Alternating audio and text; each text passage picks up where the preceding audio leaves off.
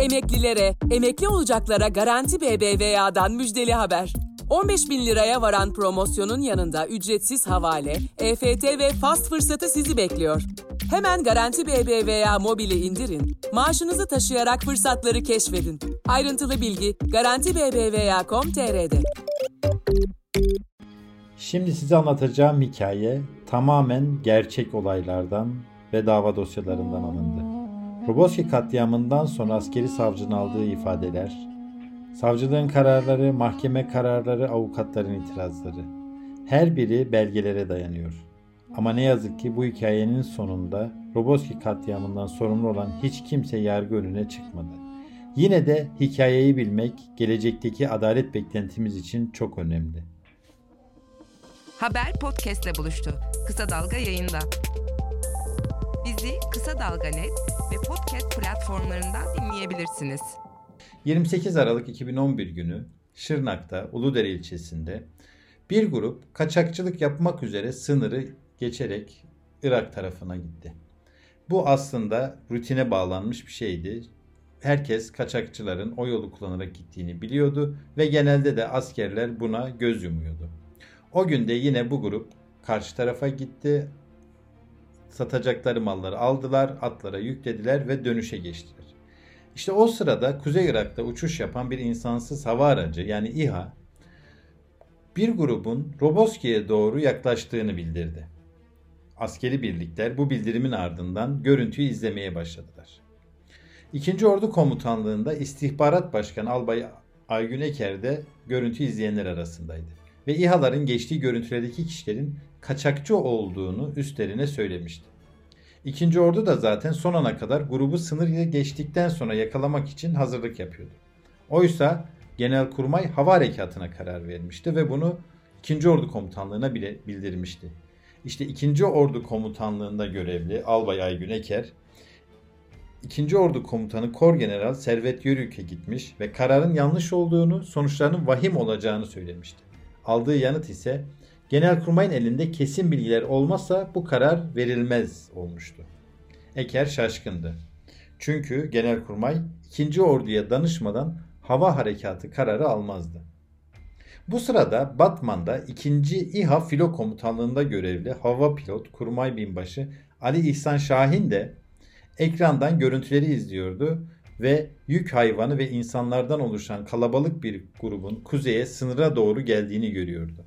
Hemen ikinci birleştirilmiş hava harekat merkezini arayarak gelen grubun kaçakçıya benzediğini bildirdi. Bu sırada odaya komutanı girdi. İnsansız hava uçakları sistemleri üst komutanı Albay Fidan Yüksel ve binbaşıya üzerine vazife olmayan işlere karışıyorsun diyerek kızdı. Yarım saat kadar sonra Şahin yani komutanı tarafından azarlanan, azarlanan binbaşı Şahin Kurmay Albay Ahmet Kazdal'ın konuşmalarından hava operasyonu düzenlenebileceğini anlayınca komutanım yanlış yapıyorsunuz. Bunlar kaçakçıya benziyor diyerek bir kez daha uyardı. Albay Kazdal bir şey olacağı yok izliyoruz demekle yetindi. Aslında Kazdal da Batman İHA filo komutanı ile yaptığı görüşmelerden sonra gruptakilerin kaçakçı olduğuna kanaat getirmişti. Hatta hava taarruzuna karar verildikten sonra da grubun kaçakçı olduğunu düşünüyordu. Savcılıkta kaçakçı olduğunu düşündüğü gruba karşı hava taarruzu kararını askeri hiyerarşiye aykırı olacağı için tartışmadıklarını söyleyecekti. Şırnak Çakırsöğüt Jandarma Komando Tugay Komutanı Tuğ General Niyazi Erhan Patır'ın görüşü de görüntülerdeki kişilerin kaçakçı olduğu yönündeydi. Görüntüleri izlerken Tümen Komutanı Tüm General İlhan Bölük de Tuğ General Patır'a katıldı Terörist olsalardı aydınlatma mermilerini ve top atışlarını fark edince dağılırlardı dedi. İnsansız hava araçlarının bu tespitleri birebir bunlar şudur şeklinde değerlendirilmesi mümkün değil. Ve sadece orada alınan görüntülerdir. Ve bu görüntülerde de böyle bir 40 kişilik gruptur. Ama görüntüleri izlemeye devam ederken uçakların grubu bombaladığını gördüler. Çok şaşırmışlardı. Harekat merkezindeki genel kanaatle görüntülerdeki ısı kaynaklarının kaçakçılara ait olma ihtimalinin daha yüksek olduğu yönündeydi. Tümen komutanı Bölüğün bombalamadan sonra bilmediğimiz bir sebep vardır demesi ilginçti. İkinci İHA Filo Komutanlığı'nda uçucu olarak görev yapan ve olay günü İHA'yı kontrol eden yüzbaşı duran İspir'in durumu ise bambaşkaydı. İspir baştan itibaren görüntülerdeki kişilerin kaçakçı olduğunu düşünüyordu. Görüntüdeki kişiler alçak irtifadan uçan İHA'nın sesini duymuş olmalıydı ama yürüyüş düzenlerinde bir değişiklik olmadan yollarına devam ediyorlardı. İspir, grup PKK'lı olsaydı İHA'nın sesini duyduklarında ya hareket etmeden bekleyeceklerini ya da ısılarının algılanmasını engelleyecek yerlere saklanacağını biliyordu. Gruba top atışı yapılmasına bu yüzden karşı çıktı ve bunu filo komutanı binbaşı Şahin'le de paylaştı. Ama itirazları boşunaydı. Sonunda İspir'den grubun lazerle işaretlenmesi istendi. Emir, demiri de vicdanı da kesti.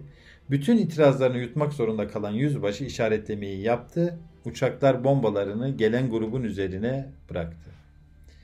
İHA Filo Komutanlığı'nda görev yapan Yüzbaşı Baha Pakkan da görüntüleri izleyince gelenlerin kaçakçı olduğunu düşündü. Ve top atışı yapılmaması için ikinci İHA Filo Komutanlığı'nı iki kez telefonla uyardı.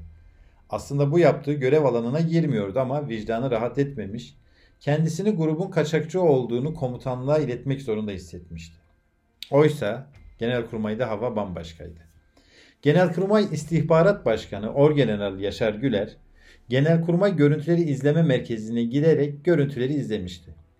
Ardından İstihbarat Başkanlığı emrinde görevli Albay Serdar Eren, Hedef Analiz ve Değerlendirme Şube Müdürü Albay Zorlu Topaloğlu, Tuamiral Ali Rıza Kuğu, Tüm General Saatı Bahadır Köse ve Orgeneral Yaşar Güler ne tür bir harekat yapılacağını görüştü.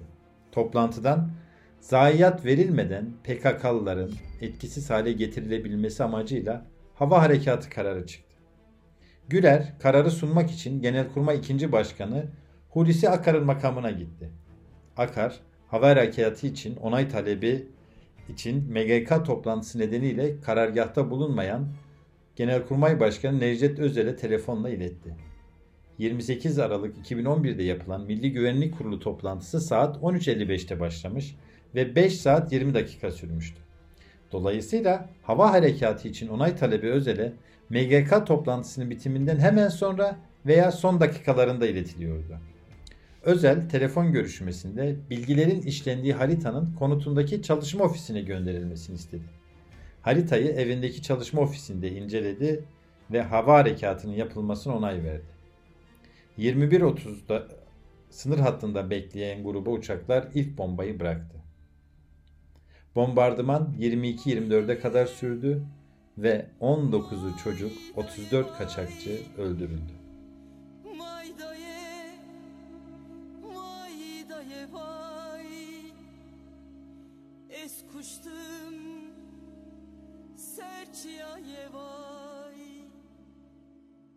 Tabi daha sonra yapılan tespitlerde bunların sigara, mazot vesaire gibi bu tür kaçakçılıkları yapan bir heyet, grup olduğu ortaya çıkıyor.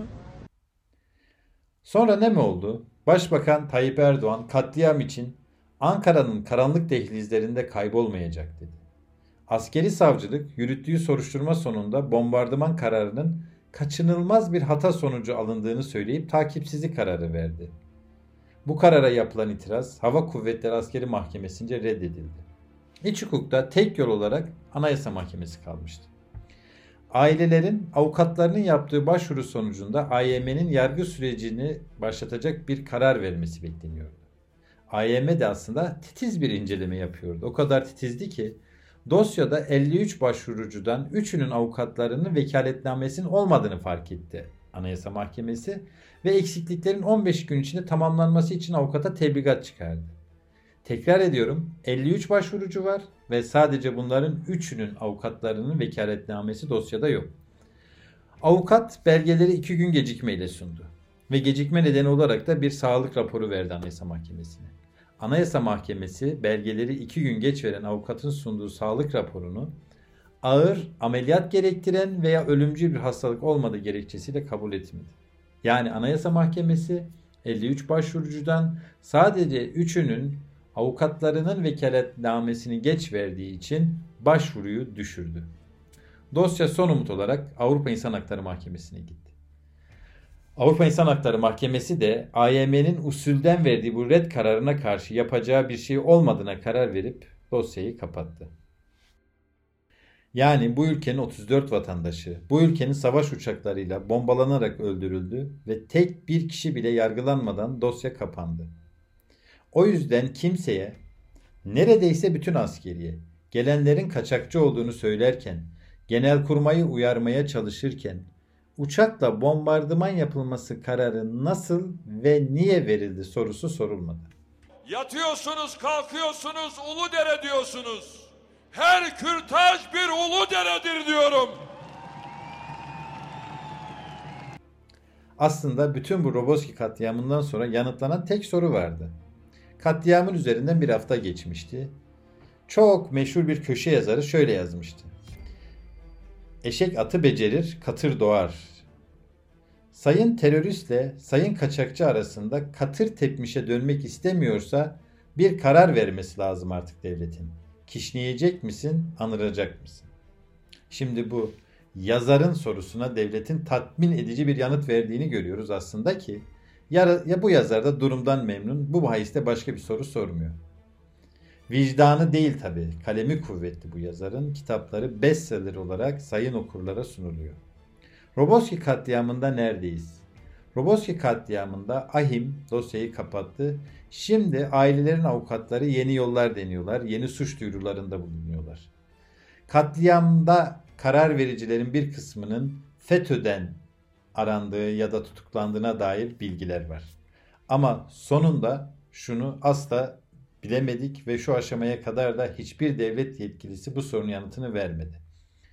Genelkurmay bütün askeri birimlerden gelen yaklaşan grubun kaçakçı olduğuna dair bilgilere rağmen neden bombardıman kararı verdi?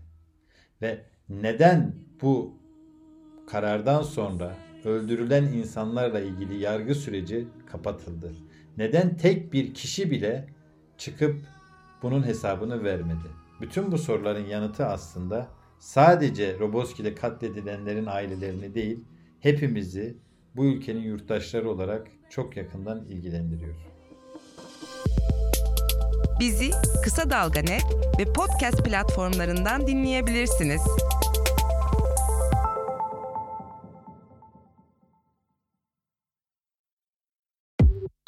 Emeklilere, emekli olacaklara Garanti BBVA'dan müjdeli haber.